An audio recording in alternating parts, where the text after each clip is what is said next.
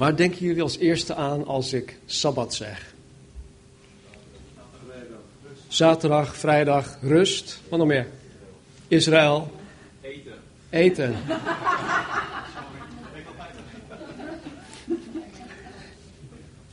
Maakt niet uit wat je zegt. Roelof zegt altijd eten. Rust, zaterdag, vrijdag, eten. Laten we vanmorgen gaan kijken naar wat Jezus ons te zeggen heeft over de Sabbat. Dus laten we ons Bijbels openen op, openslaan op Matthäus hoofdstuk 12, vanaf vers 1. Ik heb vanmorgen een korte boodschap. Dan kunnen we iets meer tijd besteden aan uh, fellowship en eten. Ja, klopt. Ja, ja. Vers 1. In die tijd ging Jezus op een sabbat door de korenvelden en zijn discipelen hadden honger en begonnen aren te plukken en te eten. Toen de fariseeën dat zagen, zeiden ze tegen hem, zie, uw discipelen doen iets wat niet geoorloofd is te doen op de Sabbat. Maar hij zei tegen hen, hebt u niet gelezen wat David deed toen hij honger had? En zij die bij hem waren. Hoe hij het huis van God binnengegaan is en de toonbroden gegeten heeft, die hij niet mocht eten, evenmin als zij die bij hem waren, maar alleen de priesters. Of hebt u niet gelezen in de wet dat de priesters op de Sabbatdagen de Sabbat ontheiligen in de tempel en toch onschuldig zijn? Ik zeg u echter dat hier iemand is die meer is dan de tempel. Maar als u geweten had wat het betekent, ik wil barmhartigheid en geen offer, dan zou u de onschuldigen niet veroordeeld hebben. Want de zoon des mensen is Heere ook van de Sabbat. En zie, er was iemand die een verschrompelde hand had. Even kijken hoor. Sorry, vers 9. En hij vertrok vandaar en kwam in hun synagoge.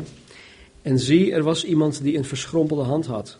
En ze vroegen hem: Is is het ook geoorloofd op de sabbat te genezen?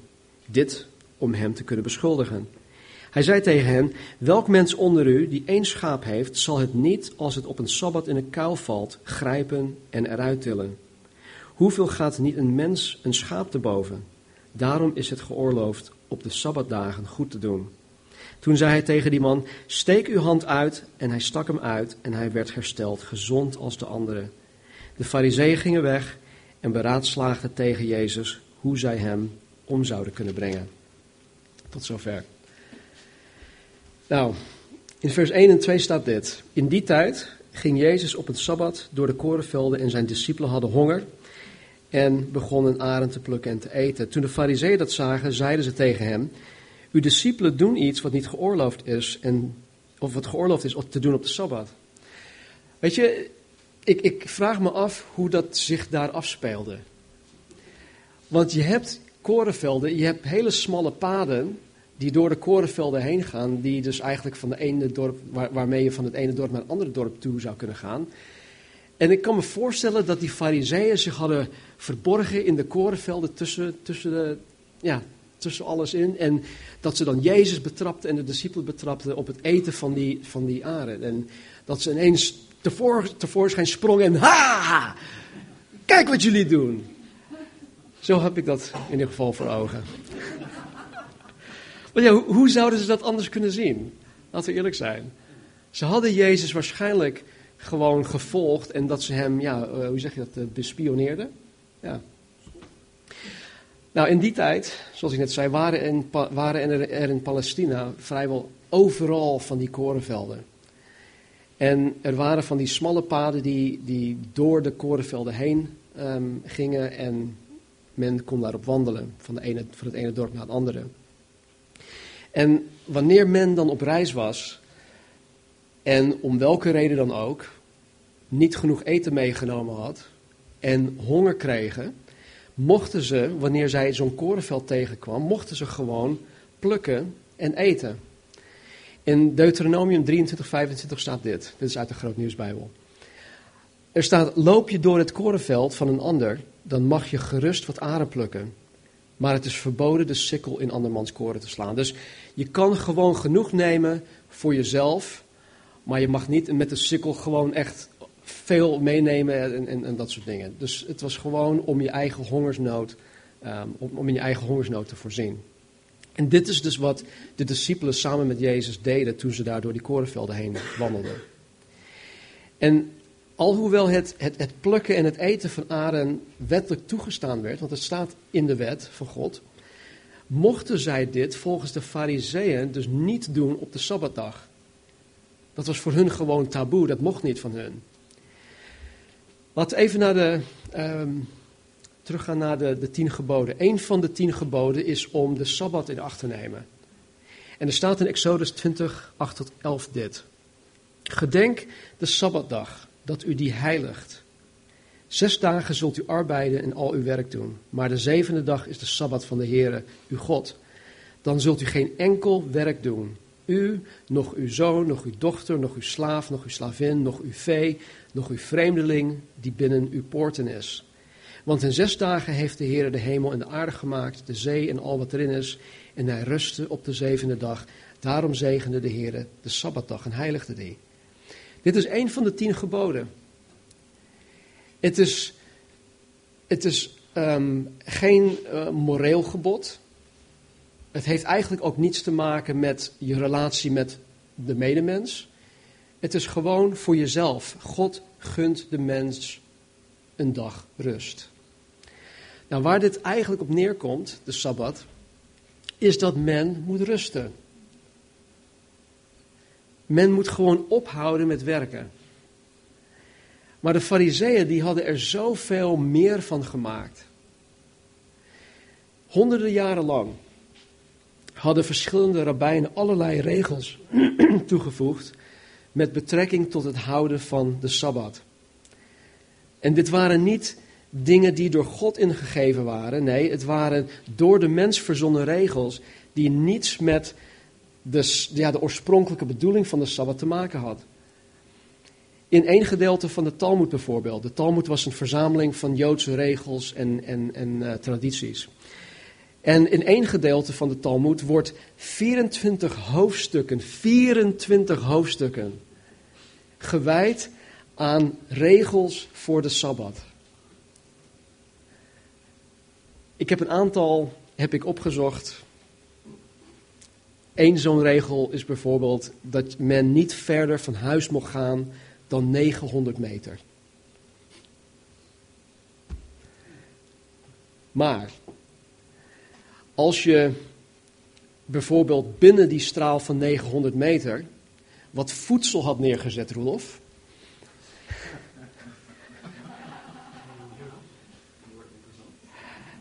Dan zou je naar die plek toe kunnen gaan waar, het, waar je dat eten neer hebt gezet. Je zou dat eten daar mogen eten. En omdat het eten een verlengstuk was van je huis, mocht je vanaf die plek nog eens 900 meter verder gaan. Men mocht op de Sabbat niets zwaarder tillen of dragen dan het gewicht van een gedroogde vijg. Je mocht ook niets groter eten dan een olijf. Als men iets met één hand in de lucht gooide, hè, dus in de lucht gooide, mocht je het niet met dezelfde hand vangen.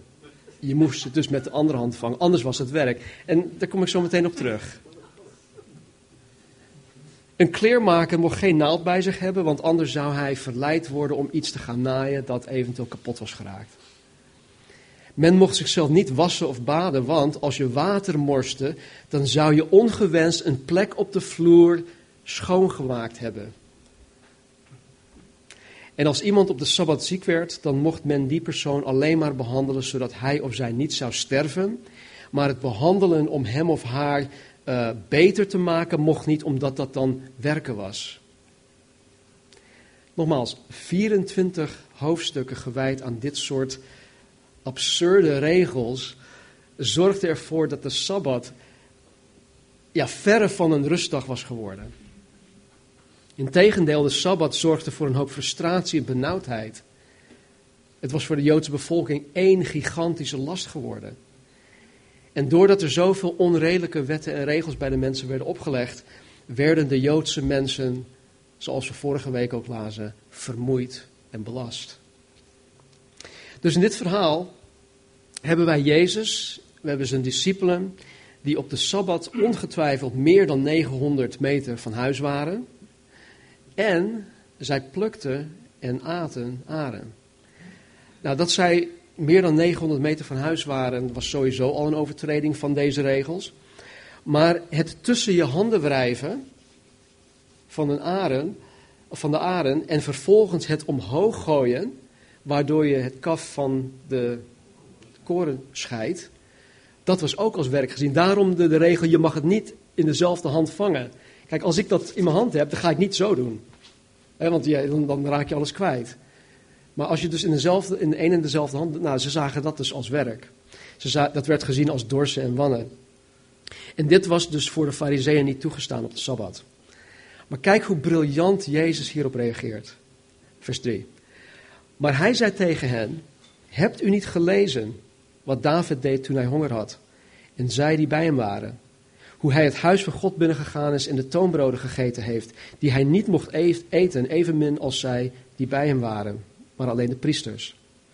Nou, de, de, de fariseeën, dat waren de, de, de leermeesters van het, Joods, van, de, van, de, van het Jodendom. Zij waren degene die Gods woord heel goed hoorden te kennen en ook weer aan de mensen leerden. Dus wetende dat de fariseeën de zogenaamde leraren van Gods woord waren, vraagt Jezus hen met een, ik, ik geloof zelf, met een hoop sarcasme. Hebben jullie niet gelezen? En ik vind het zo mooi, Rick, oh Rick is er niet. Sorry Rick, als je er wel was, had ik het nog gezegd. Ik kan me voorstellen dat als Rick het zegt, dan hebben jullie niet gelezen. Ja, en, en ik kan me voorstellen dat Jezus dat ook gewoon met zoveel sarcasme had gezegd van, jongens, hebben jullie dan niet gelezen?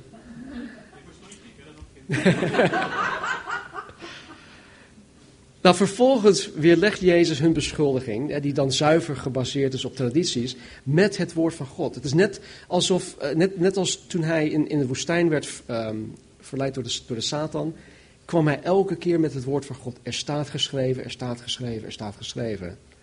En nu weer legt Jezus hun beschuldiging weer met het woord van God. En hij haalt een voorbeeld uit het Oude Testament vandaan. En om er nog een schepje bovenop te doen, had Jezus een voorbeeld van koning David aan. Koning David was voor de Joden, denk ik, het toppunt van wat het Jodendom vertegenwoordigde. Zelfs nog boven Mozes en, en anderen. Nou, het verhaal dat Jezus aanhaalt is te lezen in 1 Samuel 21, daar gaan we niet naartoe. Maar in dit verhaal uh, is David op de vlucht. Koning Saul wil hem vermoorden. Dus hij is op de vlucht, hij is met een aantal uh, van zijn maatjes is hij. En hij komt op een gegeven moment in Nop aan waar de tabernakel stond. En hij komt daar aan, ze zijn allemaal uitgehongerd. Hij klopt daar aan en hij komt de priest um, Elimelech, um, Achimelech, ja, komt hem tegen. En hij vraagt de priester om vijf broden voor zichzelf en voor degene die bij hem waren. Nou, de priester die kende hem en die wilde hem natuurlijk helpen, maar hij zei, ja, ik, ik, heb geen brood, ik heb eigenlijk niks, ik heb alleen de toonbroden. Ja, en die mag ik je eigenlijk niet geven. Maar hij gaf ze toch. En de reden waarom hij de toonbroden niet aan, aan David mocht geven, was omdat alleen de priesters mochten die toonbroden eten. Nou, elke sabbatdag werden twaalf toonbroden gemaakt. Het waren gewoon broden, het waren wel grote broden, want er werd iets van 6,5 pond uh, meel gebruikt per brood. Dus het waren best wel flinke broden. Maar goed, er waren twee stapels van zes, die werden dan in het, niet in het uh, allerheiligste, maar in het heiligdom geplaatst. En die, die bleven daar dan uh, een hele week. En elke sabbatdag werden die dan opnieuw gebakken. De oude werden dus van die tafel weggehaald. En die mochten dan de priesters dan eten. Nou, omdat David en zijn mannen dus uitgehongerd waren. En niets anders bij zich hadden. Gaf de priester het, het geheiligde brood toch aan David mee. Dat, dat hoort eigenlijk niet. Want alleen de priesters horen dat te eten. Nou, wat heel belangrijk is in, dit, in deze situatie is dit.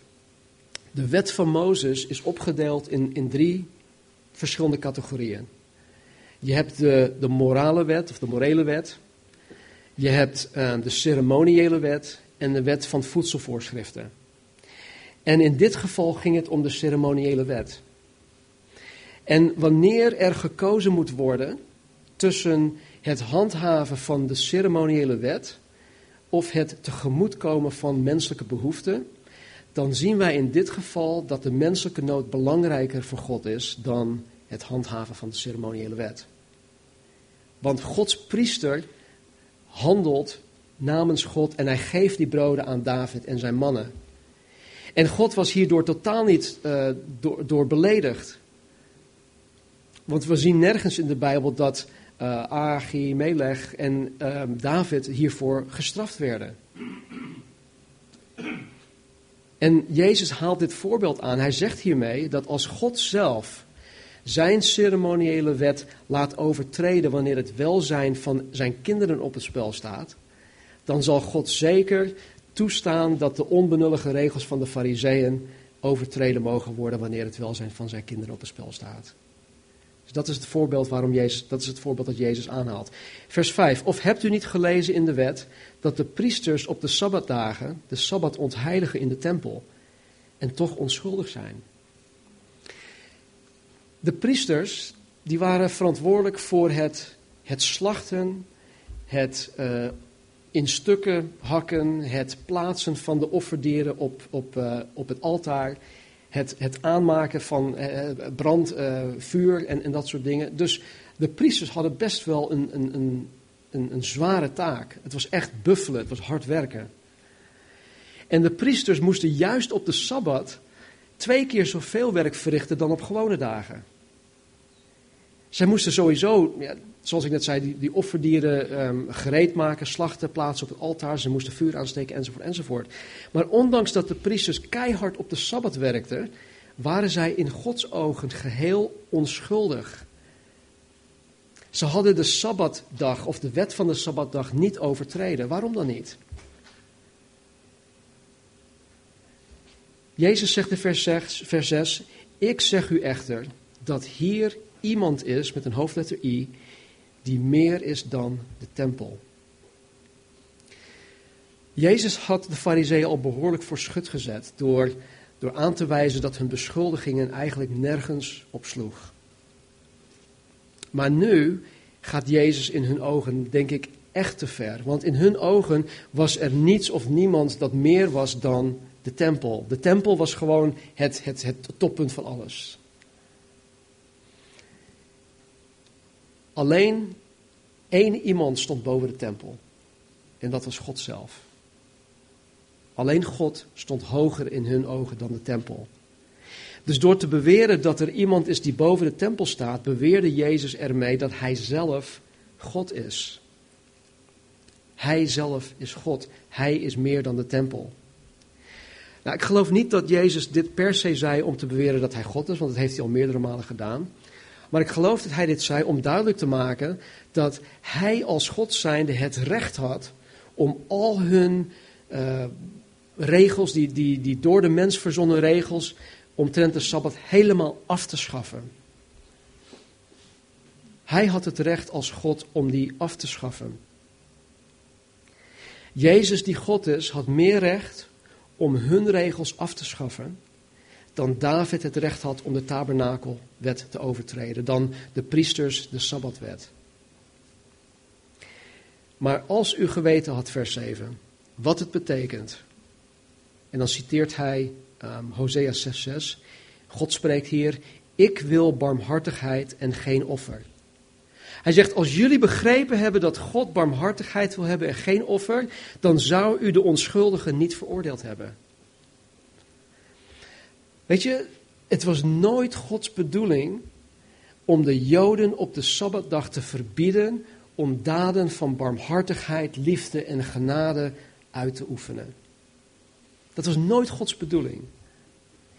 Hij citeert hier Hosea 6:6, waarin God duidelijk aangeeft dat hij liever heeft dat zijn kinderen barmhartigheid tonen, dan dat zij iets voor God opofferen. Weet je, en dat is vandaag de dag nog steeds hetzelfde. Ik denk dat Samuel de profeet ook zei tegen, tegen koning Saul: Het is beter om te gehoorzamen dan om iets op te offeren. En Jezus zegt hiermee dat als de Fariseeën echt bijbelgetrouw waren zoals ze dat beweren, dan hadden ze Jezus en zijn discipelen niet veroordeeld. En ik geloof dat als het uh, tot op dit moment voor de fariseeën nog niet duidelijk was, dan moet het nu wel heel duidelijk worden met vers 8. Hij zegt, want de zoon des mensen, Jezus, is Heere ook van de Sabbat.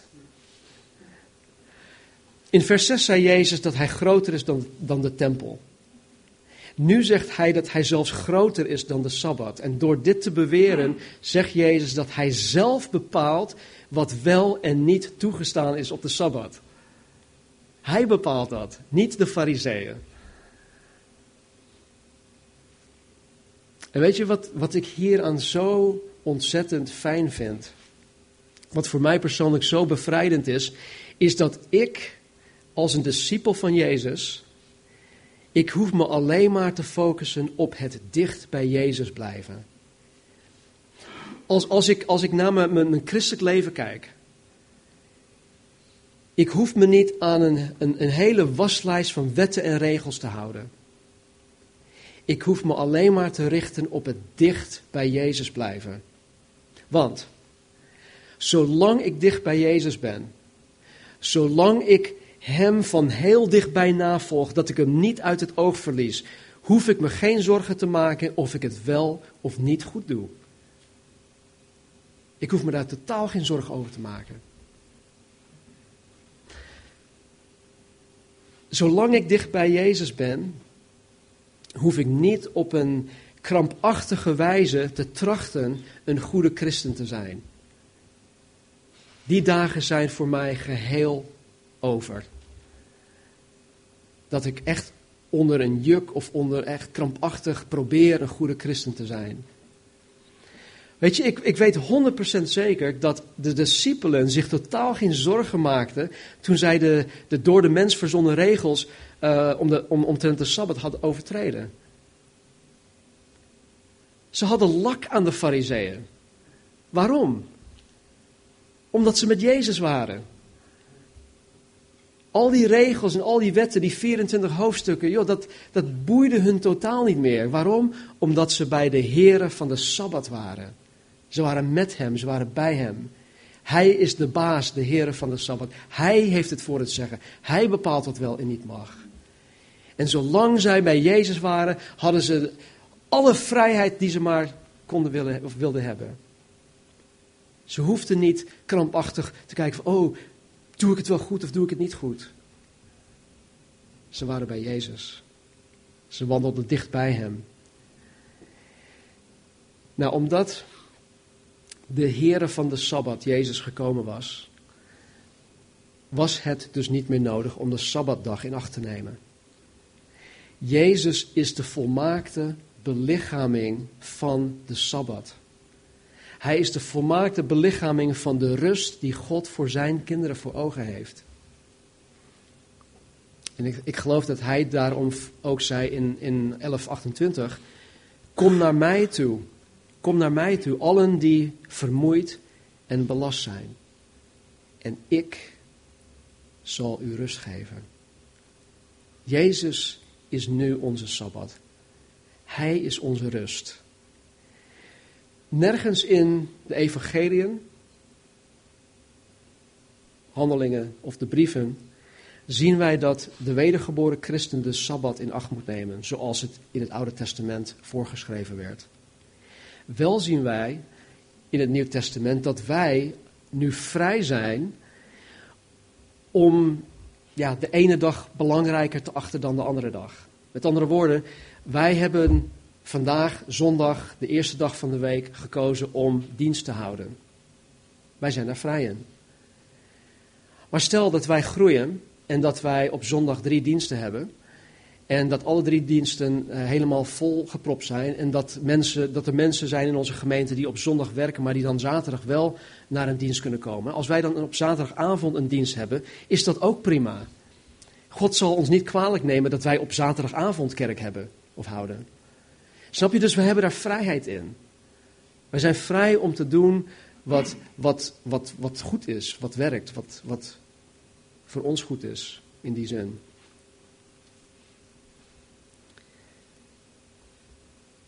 Wat we ook zien is dat de eerste christenen de eerste dag van de week in acht namen als, ja, als de kerkdag.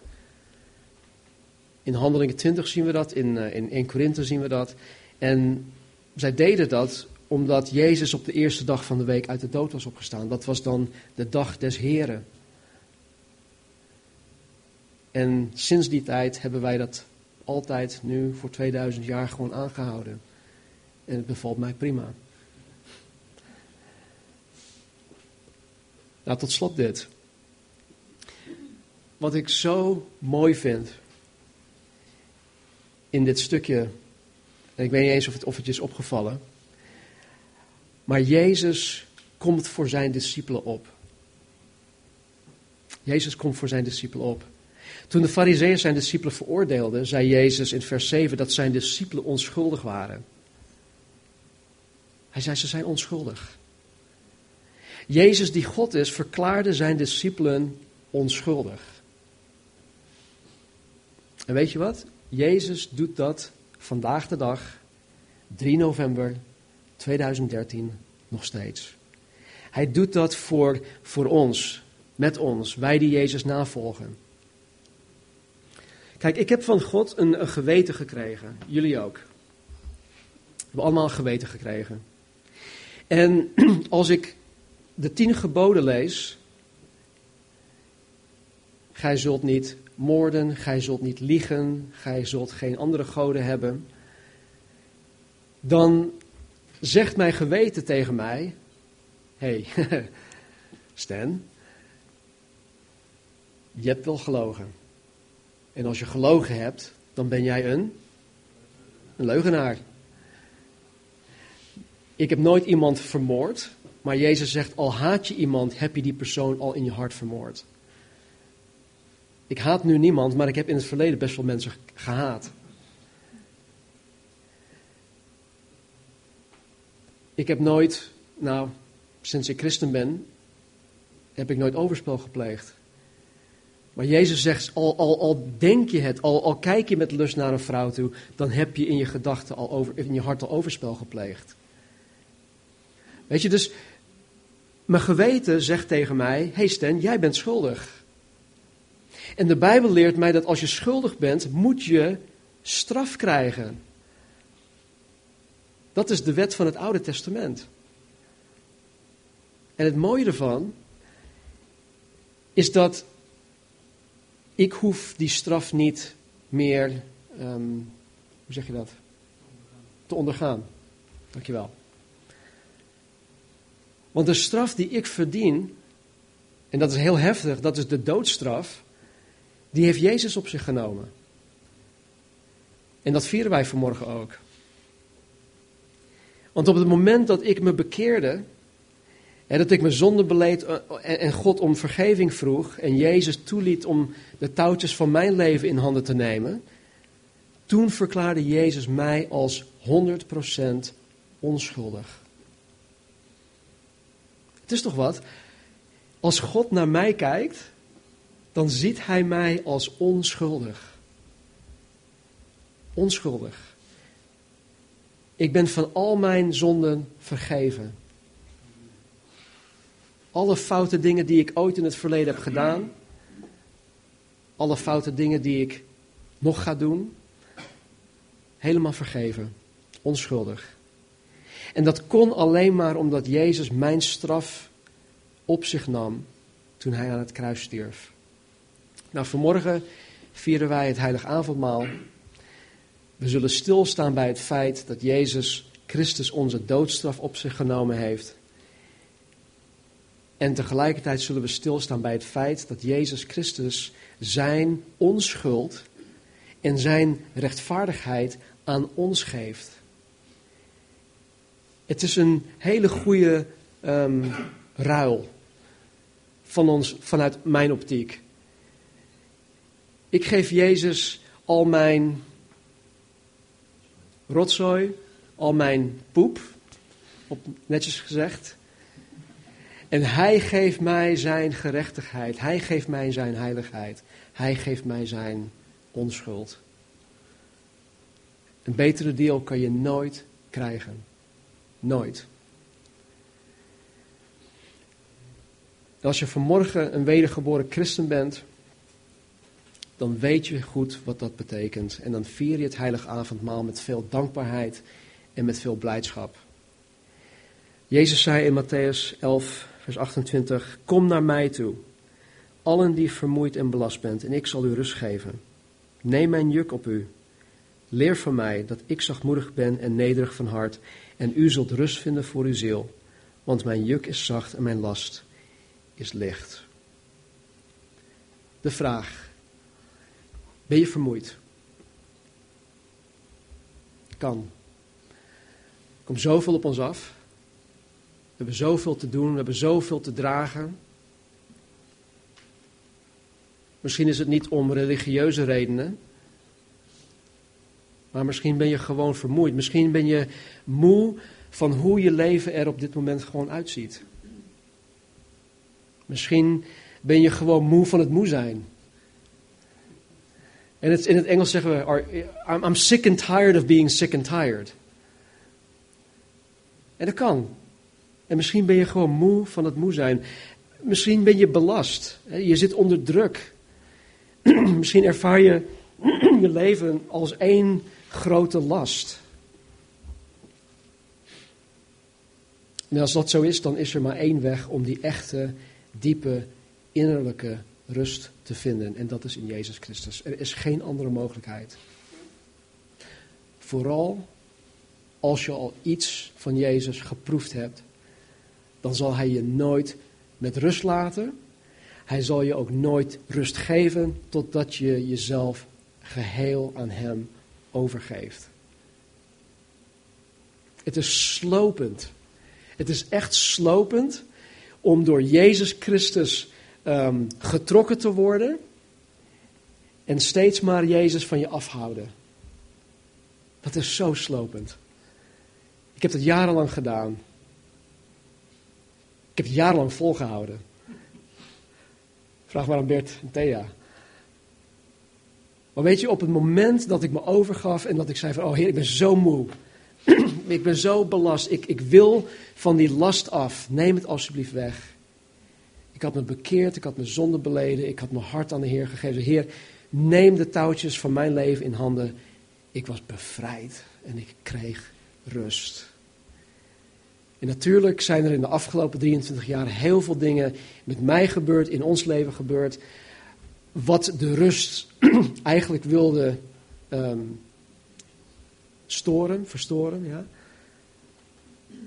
Maar uiteindelijk is er in mij een diepe innerlijke rust. Al is dat niet altijd te zien, hè Marn? Het is er wel. Het is er wel.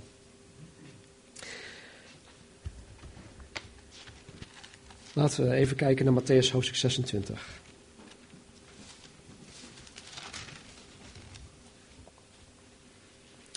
Vanaf, vers 26. En terwijl zij aten, nam Jezus het brood en toen hij het gezegend had, brak hij het en gaf het aan de discipelen en hij zei, neem, eet, dit is mijn lichaam. Hij nam ook de drinkbeker en nadat hij gedankt had, gaf hij hun die en zei, drink allen daaruit. Want dit is mijn bloed, het bloed van het nieuwe verbond, dat voor velen vergoten wordt tot vergeving van zonden. Ik zeg u dat ik van nu aan van de vrucht van de wijnstok niet zal drinken tot op de dag wanneer ik die met u met u nieuw zal drinken in het koninkrijk van mijn vader. En toen zij de lofzang gezongen hadden, vertrokken zij naar de olijfberg. Je moet je voorstellen, Jezus ligt daar aan tafel met zijn discipelen. Ze hebben het pascha, het paasmaaltijd, hebben ze net gegeten. Hij breekt brood, hij deelt de beker rond. Hij weet dat Judas hem gaat verraden. Dus hij stuurt hem ook weg. Wat je moet doen, ga, doe het maar. Ga je gang. En wat gebeurt hier? In vers 30 staat er, en toen zij de lofzang gezongen hadden, vertrokken zij naar de Olijfberg. Jezus wist wat er met hem in de komende uren zou gaan gebeuren. Hij wist dat hij gearresteerd zou gaan worden, dat hij bont en blauw geslagen zou worden, dat, hij, dat zijn baard uit zijn gezicht gerukt zou gaan worden. Hij wist dat hij gekruisigd zou gaan worden. En toch kon hij, voor, die, voor dat moment, voordat die tijd aanbrak, kon hij de Vader prijzen door het zingen van een lofzang. Hoe is dat mogelijk? Hij kon dat omdat hij een diepe rust had. Hij had een diepe rust. Vorige keer hadden we, hadden we, hadden we naar Petrus gekeken. Hij dacht ook dat hij de volgende ochtend gedood zou worden. En hij lag gewoon zo vast te slapen dat die engel, zelfs dat het licht hem niet wakker maakte. Die engel die moest hem echt wakker porren. Dat spreekt ook van een diepe rust. En die rust is voor een ieder beschikbaar. Voor een ieder. Dus of je nu gelooft en je hebt die rust niet, vraag om die rust. Als je niet gelooft en je hebt die rust niet, vraag om die rust. Het is zo makkelijk. Het is zo makkelijk. Laten we bidden. Vader, dank u wel dat wij uit dit kleine gedeelte, Heer, ja, mogen zien dat u, God, dat Jezus de Heer van de Sabbat is. En dat u bepaalt wat wel en niet mag. En dat wij, heren, die u navolgen, dat wij niet, heren, in een kramp moeten zien wat wij wel of niet mogen doen, Heer, maar dat wij gewoon dicht bij u mogen blijven. En dat u ons laat zien, Heer, door uw woord, door de verlichting van uw Heilige Geest, wat wel en niet goed is te doen. Dus Heer, ik ben u zo dankbaar. Heer, ik ben vrij. U hebt mij vrijgemaakt, vrijgekocht.